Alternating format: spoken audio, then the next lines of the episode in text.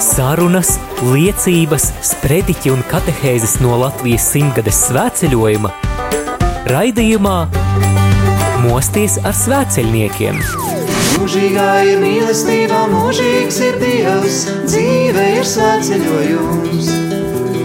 Mūžīgā ir mīlestība, mūžīgs ir Dievs, dzīve ir svētceļojums.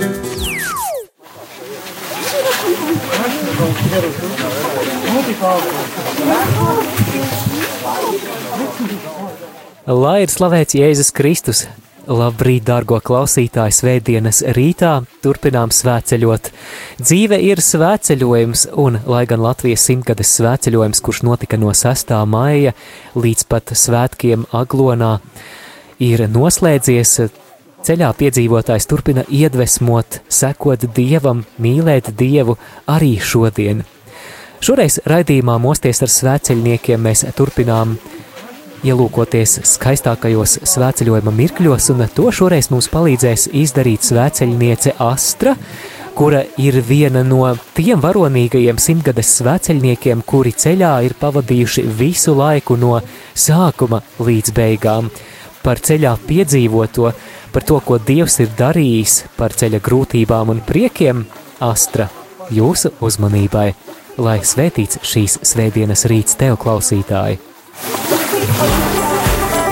Sarunas, liecības, sprediķi un katehēzes no Latvijas simtgades svētceļojuma raidījumā Mosties ar svētceļniekiem. Mūžīgā ir mīlestība, mūžīgs ir Dievs, dzīve ir svētceļojums. Mūžīgā ir mīlestība, mūžīgs ir Dievs, dzīve ir svētceļojums. Ar tevi šajā ceļā iet, kur sauc mūs Dievs, o Marija. Tevi kopā Dievu sveikt, tam pretī sveikt, o Marija. Ar tevi kopā Dievu sveikt, magnifikā, o Marija. Ejiet caur dzīves ikdienu, ataku to, ko gājitu. Šajā ceļā iet, kur sauc mūs Dievs, o Marija. Ar tevi kopā Dievu sveikt, tam pretī steigt, o Marija. Kopīgi Jēzum līdzi ciest, Jēdzemenē, o Marija. Viņa iet, caur šodienu uz mūžību. Ar tevi šajā ceļā iet, kur sauc mūs Dievs, o Marija. Ar tevi kopā Dievu sveikt, tam pretī steigt, o Marija. Jāno angelus, līdz Golgotai, o Marija. Kopā ar tevi lūkšanā, smelt spēku tavā ticībā. Tev Dievam jāno angelus, līdz Golgotai, o Marija. Kopā ar tevi lūkšanā, smelt spēku tavā ticībā. Ar tevi šajā ceļā iet, kur sauc mūs Dievs, o Marija. Ar tevi kopā Dievu sveikt, tam pretī steigt, o Marija.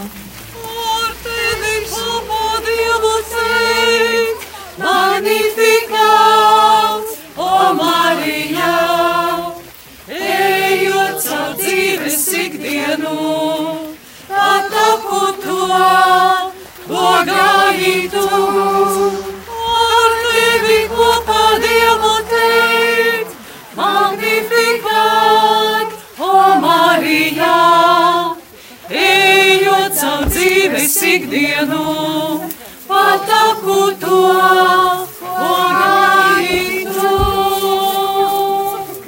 Atpūšamies pusdienas apmēram pēc 40 minūtēm. Sirsnīgs sveiciens no Latvijas simtgades svētceļojuma visiem Radio Marija Latvijas klausītājiem. Labākie vēlējumi no Edītes Sauserdes un Māra Velika, un šajā brīdī mūsu saruna biedrene ir arī svēceļniece Astra. Astra, no kurienes jūs esat? Es esmu no Gulbenes draudzes. Un mums tas gods runāt eh, ar svēceļnieci, kura jau no pirmās dienas ir ceļā, un cik tad dienas ceļā ir pavadītas? Ja šodien ir šī 97. diena, tad man četru dienu iztrūks, trīs dienu īstenībā, bet tas ir slimības dēļ. Kad sākās mans, mans nopietnākais pārbaudījums sveceļojumā bija ar dziedāšanu. Iesākumā grupā, kad atlasi palika kādi 20, 30 cilvēki, es tā paskatījos apkārt, ka nav pārāk daudz dziedātāju, varbūt divi bija no tā visa. Un mēs katru dienu ļoti daudz slavējām. Vismaz slavēšanā mēs pavadījām četras stundas tīra veida dziedāšanā dienas laikā. Četras stundas. Aptuveni, jā. Pirmā stunda tīrā slavēšana, otra, otra stunda rožu kronis dziedot, un tad visās vietās, kur mēs gājām cauri, mēs dziedājām, vai katrā vietā, kur mēs ienācām, mēs arī dziedājām. Nu, tas ir trīs ar pusi būs kā minimums, un nerunājot vēl vakara tikšanās laikā. Un tad es zināju, ka parastā svētceļojumā uz desmit dienām es zinu, ka desmit dienas ir viss ok.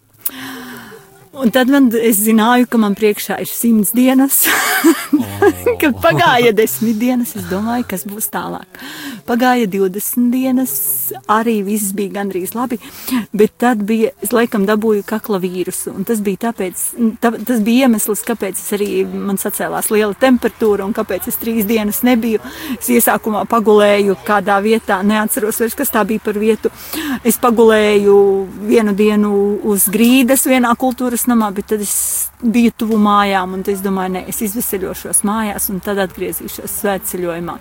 Un tas bija arī tas laiks, kad es biju, tas bija laikam kakla vīrus, kā man stāstīja, es domāju, ka man ir pārpūlēta balss, bet te, mani nomierināja, nē, tas ir kakla vīrus. Un tad es vienkārši uh, pūtu visādus līdzekļus un atdabūju balsi, bet tās bija 20, 20 kaut kādas piektās tā apmēram uz 25. dienām. Jo es teicu, kungs, es neatgriezīšos svētceļojumā, kamēr es nu, nebūšu sevi sakārtojusi un tikusi vesela. Bet gulbenē man ir vesels doktoru koncīlijas, tūlīt uzslēju uz kājām, sapirka zāles, stāstīja, kas jādara. Un es tiešām svētdienī ar priesteri arī nevarēju atgriezties grupā. Tas bija no piekdienas, no piekdienas vakara, sestdiena un svētdiena, kad es jau svētdienu vakarā atkal atgriezos. Man liekas, tā bija rūjiena, jā, kur mēs, kur mēs atgriezāmies. Jā, un tad, un tad pagāja nākamās desmit dienas. Es domāju, kas būs tālāk. Mēnesis paiet, domāju, kas būs tālāk. Nākamais mēnesis paiet, viss kārtībā. Un tīri fiziski man tagad neviens nevarēs iestāstīt to, ka cilvēks nevar dziedāt simts dienas pēc kārtas. Cilvēks var dziedāt simts dienas pēc kārtas, un pie Es tam, un pie tam diezgan daudz, un interesantākais bija vēl viens moments, ka, teiksim, es ne, ne katru dienu es esmu nu, tādā labā fiziskā formā. Ir kā normāli cilvēkam ir dienas, kad ir pacēlums, ir dienas, kad ir kritums, kad ir fiziski bezgala grūti sāp kājas vai kā savādāk. Bet tad Dievs vienmēr deva tādu žēlastību, ka grupā bija cilvēki, kas man nostājās blakus. Es pat neteiktu, ka es speciāli viņus meklēju, bet vienmēr man bija no vienas, otras vai trešās puses. Man bija cilvēki, kam ir labas balsis, kas atbrauc ar labām, skaistām, skanīgām balsīm, kas palīdzēja to visu iznest. Un, ja par dziedāšanu vēl turpinam, tad visinteresantākais, protams, bija pie jūras kad vienā vietā mums jautāja, kāpēc jūs tik skaisti, zie- kā jūs tik skaisti dziedat, es saku, nu, ja mēs esam 30 dienas dziedājuši un pārdziedājuši arī jūru un slavējuši tās trīs stundas arī pie jūras, tad klusā kultūras namā, kur nav nekādu trokšņu, vispār vairs nav problēma slavēt. Astra, vai jums ir kāda mīļākā svētceļojuma dziesma? Nē, es laikam pusgrāmatiņu zinu jau no galvas, man viņu vairs nevajag. Bet nu, tās, ko mēs dziedam ikdienā, bet laikam tāda sirdī man jau no paša sākuma bija dzīve ir svētceļojums. Jā, laikam ir tāda dziesma, kuru mēs ļoti reti dziedam, jo viņa ir grūti dziedama, nu tādā lielā grupā. Bet tā laikam man ir tāda, kas, kas atbilst, nu, varbūt visam svētceļojuma garumam, jo, jo viņa man patika no paša sākuma vienmēr eh, runājot ar svēceļniekiem, man gribās eh, uzzināt, kā tad viņi nokļuva šajā svēceļojumā, un it jo sevišķi gribās to pajautāt, ja ir svētceļojumā iets kopš pirmās dienas. Tā nebija mana izvēle, tas ir Dieva darbs, jo tad, kad priesteris Arnis mums uz gulbeni atveda svētceļojuma plakātus, es viņus bez emocijām saliku pie sienām un pat vēl nodomāju, uz mani tas noteikti neattiecas, jo es zinu, kāda ir dzīve baznīcā un mēs gatavojamies gulbenes draudz arī savam svētceļojumam. Es tiešām negatavojos iet, bet divas nedēļas pirms svētceļojuma man bija trīs tumsas dienas. Nu, tā bija diezgan liela tāda tumsa, tāda iekšēja tumsa, apkārtēji apstākļi, un tad es pieņēmu lēmumu, ka nē, laikam es iešu svētceļojumā, tāpēc, lai pārbaudītu dažas lietas. Vai, piemēram, cik, la, cik labi es varu iziet no savas komforta zonas, cik labi es varu atstāt visu pārbaudīt, kam es esmu pieķērusies, pārbaudīt, ko man nozīmē tie cilvēki, kas palika mājās, kā es spēšu sadzīvot, zinot to, ka šeit katru dienu mainīsies cilvēki, un pat lielās masās, kā es spēšu pieņemt un kā es spēšu sadzīvot kopā ar pilnīgi svešiem cilvēkiem, kurus es dzīvē nereizi neesmu redzējusi kā es spēšu, mm, cik vienkārši es spēšu mm, nu, atraisīties no tā, kas, no, no tā, kas man mājās ir. Teiksim, vai es spēšu uzticēties tiem cilvēkiem, kas paliek pilnīgi brīvi atstāt darbus, zinot, ka es neesmu neaizstājama un ka Dievs atradīs cilvēkus, kas m, tiks galā ar tiem pienākumiem, kas man tiek doti. Un tad, kad man naktī radās šī doma, man parasti labākās domas rodas tā uz rītu, no, no agri no rīta, pieciem, sešiem, un kad es teicu prāvestam, viņš, es tik līdz biju pabeigusi teikumu, viņš mani svētīja. Un tad es atradu desmit, divdesmit iemeslus, kāpēc jāiet svētceļojumā, bet nebija neviena, kāpēc nav jāiet. Tāds e, stāsts. Ko Dievs ir ļāvis saprast garā svētceļojumā, ko atklājas jūsu sirdī? Oh, es esmu no daudz lietām atraisījusies. Jāteic, ka tagad es tā zinot jau, ka man tūlīt būs visādi tādi jautājumi, es tā sāku pārdomāt, kā es jūtos. Ir divi varianti. Es īsti nezinu, kurš. Vai nu, es esmu pilnīgi Dievs manī iztukšojis, pavisam tukšs, mierīgs trauks, kas gaida piepildījumu, vai arī trauks, kas ir pieliets pilns Bet es visādā gadījumā man ir tāds piepildījums, nu, nu tā, tāda sajūta, ka es esmu mierīga, piepildīta, bet to, ko Dievs ir darījis. Pirmkārt, es esmu tikusi brīva no raizēm par to, kā es, es raizējos, kā būs ar pienākumiem, kā es to un to un to.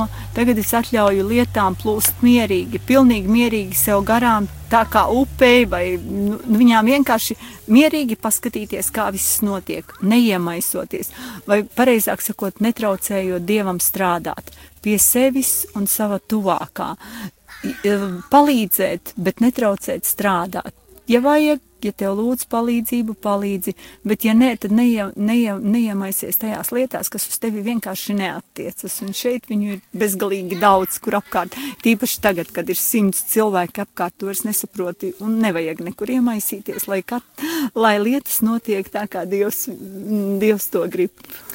Grupa mainās, dalībnieku skaits aug un Kā tad ir pieņemt tos jaunpienācējus cilvēkam, kurš kopš pirmās dienas, kopš 6. maija ir ceļā?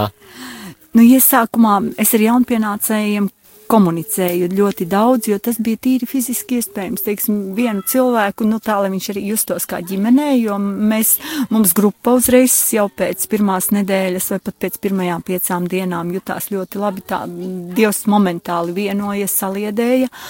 Un tad, lai tie cilvēki arī tā iekļautos labāk, es ar viņiem labprāt kontaktēju un uzrunāju, pajautāju, no kurienes kā sauc un tā tālāk. Bet tad, kad tagad ir daudz cilvēki, tagad es vairs to fiziski nespēju, un laikam arī nogurums dara savu, ka to vairs nevajag darīt. Tagad ir kaut kā druscīt savādāk. Iesākumā man tas bija interesanti. Nu, cilvēku lasīt kā tādu jaunu grāmatu, nu, teiksim, kad, kad, ienā, kad, kad atnāk kāds cilvēks. Bet tagad, tagad, nē, tagad, tagad drīzāk es teikšu, ka man ir tāds izdzīvošanas, lai varētu cilvēks kaut kā pastāvēt lielās, lielās masās, jo es tādā lielā grupā arī eju pirmo reizi. Es neesmu nekad gājusi simts sveceļnieku tādā grupā. 40, 50, jā, es saprotu, bet kad simts un pie tam vēl dienu no dienas mainās, tu pat nepaspēji nofiksēt, kurš cilvēks, kāds cilvēks izskatās. Tad uh, es vienkārši ļauju arī nu, tiem, mm, tā mierīgi paskatīties uz jaunpienācējiem. Pat dažus es varbūt pat neredzu, un man tas, mm, man, man tas uh, netraucē es esmu dabūjusi to sajūtu, justies kā pilienam okeānā vai kā pilienam tādā upē. Upe plūst, viņai ir milzīgs daudz ūdens, teiksim, katra maza lāsīte, un es plūstu ar viņiem kopā. Vai vēl viena tāda līdzība man bija, ka es sajūtos tā kā smilšu graudiņš lielā kalnā. Nu, varētu ņemt Himalajus Latvijā kaut ko mazāku, kāda gaisiņa kalna apmērus, ka es sajūtos kā jūtas smilšu graudiņš, ka viņam apkārt ir citi. Viņi veido vienkārši to kalnu un viss. Arī es piedzīvoju astras viesmīlību, kad ierados Bruknā. Ļoti patīkami bija. Paldies, Astra. Bet, Astra, tu esi apgājis praktiski visai Latvijas robežai apkārt. Kāda tev atklājās Latvija šajā ceļā? Tas arī bija viens no nodomiem, ka, ka man ja daži tā kā mums um, Viktorija bija sapņojusi par to apiet apkārt, viņai bija bērnības sapnis, man nekad tāda sapņa nebija bijis, jo man tas galvā vispār nerūmējās, ka var iesākt staigāt apkārt Latvijai, un tas man lika, tas arī bija viens no tā apskatīties, kāda izskatās, kad es pirmajās intervijās teicu, es saku, man interesē, kāda izskatās Latvija pierobežā, un Latvija ir bezgala skaista mums, nu tagad mēs varētu šeit tiešām rakstīt kā, atklā, kā atklājam Latviju no jauna, jeb mūsu jaunatklātā Latvija, jo katra vieta 10, 20 km un ir pilnīgi cita bilde, pilnīgi cita daba cilvēkiem. Tu redzi jau, ka viņi dzīvo savādāk. Viņi attiecas pret eh, visur uzņem viesmīlīgi, bet attieksme ir savādāka. Tas ir fantastiski, pat pa novadiem. Ļoti liels pārsteigums mums bija kurzemē. Mēs visi izbaudījām latgales viesmīlību, tad bija tāds vidzemnieku vēsums tur pierobežā. Un tad mēs sākām mazliet tā domāt, kā mūs uzņems kurzemē, jo par kurzemi bija tas priekšstats, nu, ka kurzemē tur, nu, ir pavisam, nu, nu tā nebūs nekāda liela siltuma, bet, ja, ja godīgi sakot, tad kurzemē mūs uzņēma visviesmīlīgāk bija tādi gadījumi, kad es pat cilvēkiem rojā un kolkā jautāju, saku, vai jūs neesat no Latgales? jūs esat īsti kur zemnieki? Viņi saka, jā, mēs šeit esam dzimuši, jo mūs patiešām ar bezgalīgu sirsnību, mums pat zvanīja daudzas dienas iepriekš, jautāja, kad jūs būsiet, cik jūs būsiet, lai varētu mums saklāt galdus, saorganizēt tikšanās un visu pārējo. Un tas bija no vietas uz vietu, tur, kur bija mm, katoļu draudzes un ne tikai arī luterāņu baptistu draudzes draudzes mūs brīnišķīgi uzņēma, bet no vietas uz vietu mēs sajūtām mīlestību ne tikai ieejot, bet jau iepriekš mūs gaidīja. Un, un tās rūpes bija tā sirsnība un mīlestība. Teikšu, teikšu, kā redzu latviešus. Visā Latvijā dzīvo bezgala sirsnīgi, labestīgi, atvērti cilvēki. Mierīgi sirdis mums bēdas, dziedini vainas un rētas, lai tavās skaidrajās pēdas, ejam pa dzīvi labprāt. Pasargi cilvēku cilti, mājas ar svētību pildi, pasaulē saustošo sildi, brīnišķā aplonas māt aplonesmā. Tu, kas ar vārdiem stāro, mieru Dievs jūtītas kāro, ar savu lēnīgo vāru, naidam un baidiem liet stāt. zem tavas vadības ļautai, ģimenei tevijai tautai, uzplaukt un uziedēt atļauj, brīnišķā aglonas māt, brīnišķā aglonas māt. Māci mums žēlot un piedot, sevi par tuvākiem ziedot, dievišķot padomu iedot, garā man tas tik rāt. Izdzirdot šīs zemes logiem, aizjūt pie melžīgā soļa, iznāc ar bērnu uz rokām, brīnišķā glonas smāk brīnišķā glonas māt.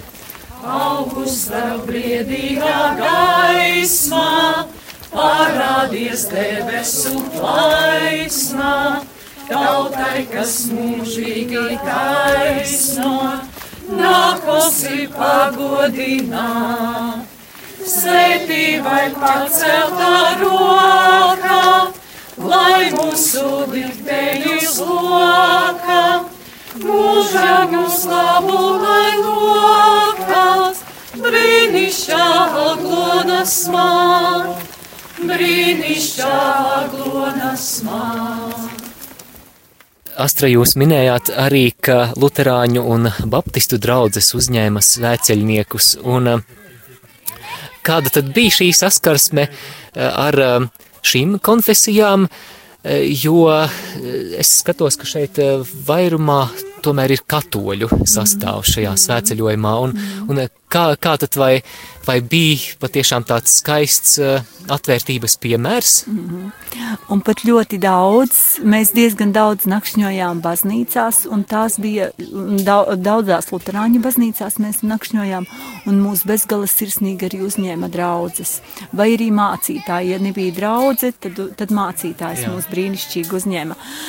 Nu, mēs ne, nevarēsim aizmirst Bolderāju, kur mācītājs Oskars mūs sagaidīja. Un tad vakarā bija sarīkojis brīnišķīgu tikšanos, vārīja zupas un gatavoja mums ēst. Tur draudzes cilvēki un visu, ko, ko vien tikai mums vajadzēja, kur redzēja, nāca lietus, slēja telti uzreiz augšā tentu, lai mēs varētu, lai būtu kur paslēpties. Tieši tāpat bija mazi, mazirbē. Bezgala liela sirsnība no jebkuras konfesijas. Tad mēs mēs Baptistu draugu namā ganībās nakšņojām. Viņiem tur bija nometni, viņi pat mums bija tādu milzīgu stikla māju at, atvēlējuši, kur mēs visapkārt bijām milzīgi stikli, tādā skaistā stikla mājā. Mēs nekad nebijām nakšņojuši.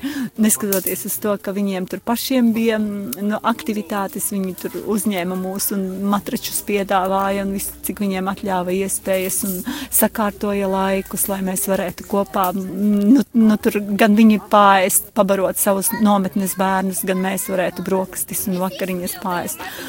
Bezgala skaisti. Bezgala skaisti. Kā bija ar krīzes brīžiem? Cik bieži gribējās kravāt koferus un braukt mājās? Brīnišķīgs jautājums. Man tādu bija daudz. Pirmais jau bija apmēram pēc pirmajām 30 dienām. Uh, nu, tā slimības krīze, tas bija, tas bija slimība, tā ir cita lieta, bet man pirmo mēnesi bija fiziski ļoti grūti. Nevienos no iepriekšējiem svētceļojumiem man nebija bijis tik grūti fiziski. Man nekad nesāpēja kājas. Šī svētceļojumā pirmās 30 dienas man fiziski sāpēja kājas visā garumā. Un tad, kad nāca mēnesis uz beigām, es tā saprotu, ka grupa mani es velkos, tur netieku līdzi, nu, ka visiem tur jāsamazina temps. Es vienkārši jutos tā, nu, ka es te visu kavēju, un nu, man bija jāizcīna tā iekšējā cīņa, ko tagad darīt. Un es katru nakti līdz kādai pusnaktī mocījos ar kāju sāpēm. Man bija tāda stadija, pus, eh, kādas trīs stundas mokos ar kāju sāpēm. Beidzas kāju sāpes, tad galvā sāk skanēt kāda svecījuma dziesma, jo mēs visu laiku ejam un dziedam. Un tad, un tad es eh, teicu, nu, ka es laikam, tas bija pirmais gadījums, ka es teicu, un laikam es dodos mājās. Bet man grupa piedāvāja ratiņkrēslu. Es sapratu, nu, ka īsti tik slikti man nav, ka, rat, ka man ratiņkrēslā. Bet tad es vienkārši ticībā gāju šo soli tālāk. Es saku, kungs, ja tu gribi šeit, lai es palieku, tad, tad es šeit palieku. Tās bija laikam 30 dienu krīzes, pēc tam man nāca kaut kāda 60 dienu krīze. Tā jau bija druscītiņa cita, tā bija vairāk uz atbildību tāda.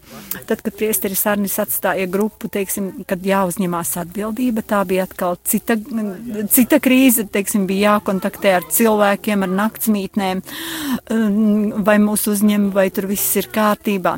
Tā bija atkal tāda atbildības krīze, kad arī domāju, kam man to visu vajag. Es laikam tīri tā no attieksmes, vai man, vai, man teiksim, vajadzēja pieņemt visu to, ko saka, vai kā cilvēki uzvedās. Tad, tad bija tāda krīze, kad es gribēju doties mājās.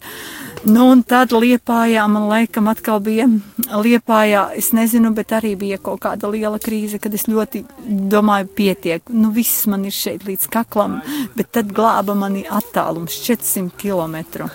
Man bija žēl zvanīt mājiniekiem un teikt, brauciet man pakaļ. Tas arī laikam jau bija nogurums, tāds diezgan liels nu, vai, vai arī lielas cilvēku masas, nu, tāds lūzuma punkts. Tas bija tāds viduspunkts, apmēram tāds viduspunkts bija sveceļojumā. Un tad es tikai nepazinu, tur glāba tas, ka bija mājas ļoti tālu, bet tā es laikam jau teicu, ka ja būtu tuvāk un man nebūtu četras somas, es noteikti aizbrauktu ar tuvēju autobusu, bet tad es to pārdzīvoju. Nu, un tad nākamā krīze, manuprāt, bija pie 90. dienām, tad, kad sākās 90. dienas, tad bija milzīgs nogurums, tad, kad mēs gājām ilgi saulē pa zemgali ka tas milzīgais karstums darīja savu, un tur arī vēl priesteris nebija desmit dienas uz vietas, un tad, un, un tad, tur, tad tur arī nu, tur bija tāds pārbaudījums, tur bija tāds pārbaudījums uz izturību, nu, jau, jau, jau, jau tāds nopietnas izturības pārbaudījums. Bet kopumā es varētu teikt, ka svētceļojums izskatās tā kā tajā dziesmā, ka no māla veidots. Dievs tur no sākuma druscītiņ kaut ko veido pie jūras, mazliet apslapina, Tad, kad iegājām zemgalē, tad viņš tur tā uzlika mums glazūru un iemeta karstā ceplī, jo mums 30 dienas pa zemgalī tik līdz nogājām no jūras sākās milzīgais karstums. Un 30 grādi putekļi, brīžam agras celšanās no rīta, nu, tad bija nu, tā, vai nu fiziski izturēs vai neizturēs. Un tad varēja ļoti labi arī pie cilvēkiem redzēt, cik daudz ir piemaisījumu tajā māla traukā. Vai trauks pārplīst, vai nepārplīst, vai viņš iztur, vai, viņam, vai, viņš ir, vai tur nav to akmentiņu iekšā. Jā, tam mēs gājām, tam, tam krāsnī cauri. Nu, tagad šitais no, nobeigums pa sēliju, nu, tas jau ir tāds mierīgs. Nu, jau ir iestājies tāds miers pēc 90. dienas, bet pie 90. dienas arī bija vēl tādas, tādas tīri noguruma krīze, ka nu jau ir vai izdzīvošu, vai neizdzīvošu. Jo daudzreiz man bija arī ceļā. Man bija vairākas reizes ceļā, kad es teicu, kungs, es esmu gatava šeit mirt, jo priesteris Ingars salūksnē mums uzdeva tādu jautājumu, vai jūs svētceļojumā būtu gatavi mirt par Latviju? Toreiz tur augšā ziemeļos man tas tā interesants jautājums, bet es drusku par viņu domāju. Bet tad man bija tādi posmi, kur es patiešām vienā lietus dienā, tad, kad man bija grūti, tā fiziski milzīgs nogurums, ka es teicu, kungs, es neatkāpšos šī vietā. Es arī nomiršu. Viss, es nekungstēšu, bet šī vietā es vienkārši nomiršu. Un viss, un tajā brīdī, tad, kad es biju gatava mirt, tas vienkārši es atkal ticībā gāju soli tālāk, un tas viss atgāja. Tieši tāpat bija arī tajā karstumā. Es teicu, labi, kungs, izsauks ātrā palīdzību, es šeit arī būšu. Bet es, ja, ja es neiešu to soli tālāk, es nezināšu, vai es varu, vai es to varu iziet. Jo bieži vien gribējās atstāt, bet ja es ticībā un tam, ka, tanī, ka Dievs dod spēku, iet tālāk, to nepārbaudīšu, es tā arī neuzzināšu. Es varu padoties ātri miesai, bet tad es neuzzināšu, vai es varu iet tālāk nu, tādai, nu, teiksim, tādai garīgai, garīgas nāves robežai, vai es varu ieiet patiešām dzīvībā, mirt un ieiet dzīvībā. Es pieļauju, ka svētceļojums nav tikai tāds krīžu savirknējums, bet vai, vai ir bijis kāds eh, tabora kalns, kur gribās to telti uzcelt un palikt? Oh, oh, pavisam svētceļojums nebūtu nav krīžu savirknējums. Pirmajā mēnesī mums bija bezgalīgi liela laimes sajūta man personīgi no tā, ka nav jābūt uh, mājās. Es neesmu iesprostota mm, sienās. Es varu būt brīva, jo man eh, ļoti patīk ceļot. Es, man tikai bija jautājums, vai es to visus, visas simts dienas, vai arī man laimes sajūta būs. Bet daba bija tā, kas mani priecēja visa ceļa garumā. Bezgalīgs skaistums dabā. Miers, lietus, jūra, viļņi, ziedi nemitīgi mainās. Tā teiksim, mums bija tāds periods, kad pavasarī ziedēja visas puķes, un tad mēs gājām. Bieži vien es, piemēram, jutos kā visvētākais sakraments, jo svē, visvētākā sakramenta priekšā tikai kaisa, piemēram, birst ķiršu lapiņu ziedi, birst tābeļu ziedi tev, un mums tie bija dabīgi. Pēc tam es, piemēram, gājām, tad, kad vasarā jau pļāva sienu, bija gar ceļmalu, bija nopļauta zāle, un viņa bija sakaltusi, Un es eju un skatos, domāju, tieši tā kā Jēzum. Katru Ziemassvētkus klāja sieniņu silīte. Man viņš jau nolikts uz ceļa. Tie, tāda vēl tieši tāpat bija arī par puķēm, kurām mēs ejam. Ejam ziedi, klājas uz ceļa virsmu. Un nu, tā tāda bezgalīgi brīnišķīga sajūta, ka Dievs, nu, nu Dievs ma, mani vismaz caur dabu uzrunāja tādā ļoti īpašā veidā. Nerunājot par putnu dziesmām, par mākoņiem, par vēju, tad, kad tev vajag druscītiņu dzesēt. Tas, tas ir kaut kas ļoti, ļoti īpašs un vislaimīgākais, protams, biju pie jūras. Mēnesis pie jūras bija mans skaistākais laiks. Īstenībā tas bija tāds dabā Tabora kalns, bezgala skaists Tabora kalns, kur man ļoti, ļoti patika.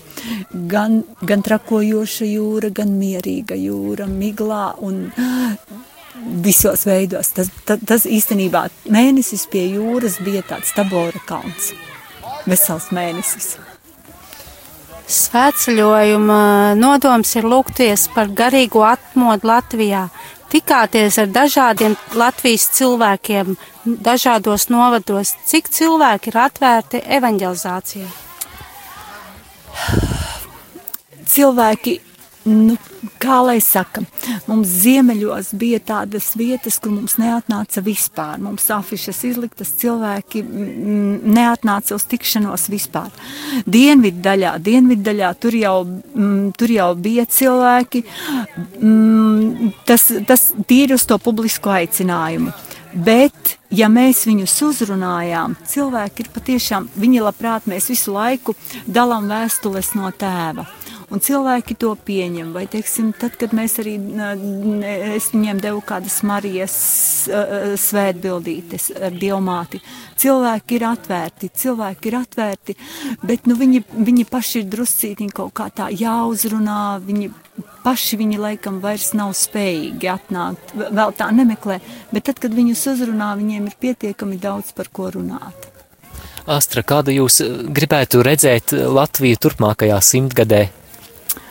Oh, nu pēc vakardienas, eh, pēc vakardienas lūkšanas un eh, eh, slavēšanas par Latviju, tā bija bezgala skaista liecība. Es ļoti gaidu uz tādu garīgu atmodu. Es jau ilgu laiku gaidu, kad cilvēkiem būs apnicis komforts, ērtības, mm, tā dirnēšana pie televizoriem vai pie datoriem, ka cilvēki būs mm, tik tālu nonākuši, ka viņiem Viņiem viss ir, materiālais viņiem ir, bet viņi nejūtas laimīgi. Es gaidu to mirkli, un viņam teorētiski vajadzētu būt, vai varbūt, kad kristieši izmainīsies, ticīgi cilvēki izmainīsies, un ka uz viņiem paskatoties, cilvēkiem gribēs, um, gribēs viņi nāk, teiksim, tā kā mūsu grupā cilvēki, kas ienāca, visi teica, pie jums ir kaut kas īpašs, un daudzi grib atgriezties atkal un atkal, atkal un atkal, jo viņi sajūt mīlestību, prieku, mieru, to, ka viņi ir pieņemti. Mm, ir jāmainās divām lietām, gan tiem cilvēkiem, kas ir pasaulē, jānonāk līdz galējam krīzes punktam, un baznīcas cilvēkiem ir jāizmaina sava attieksme un jābūt tādiem, ka pie viņiem gribētu nākt kā tādai saldai smaržai. Un uh, ko Astra vēlētos novēlēt mūsu klausītājiem un lasītājiem?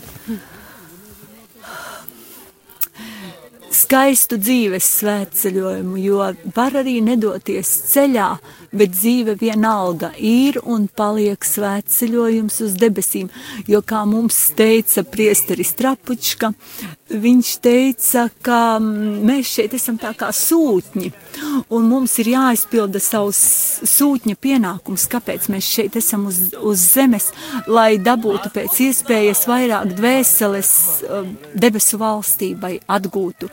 Un tad mums patiešām ir jābūt tādiem, nu,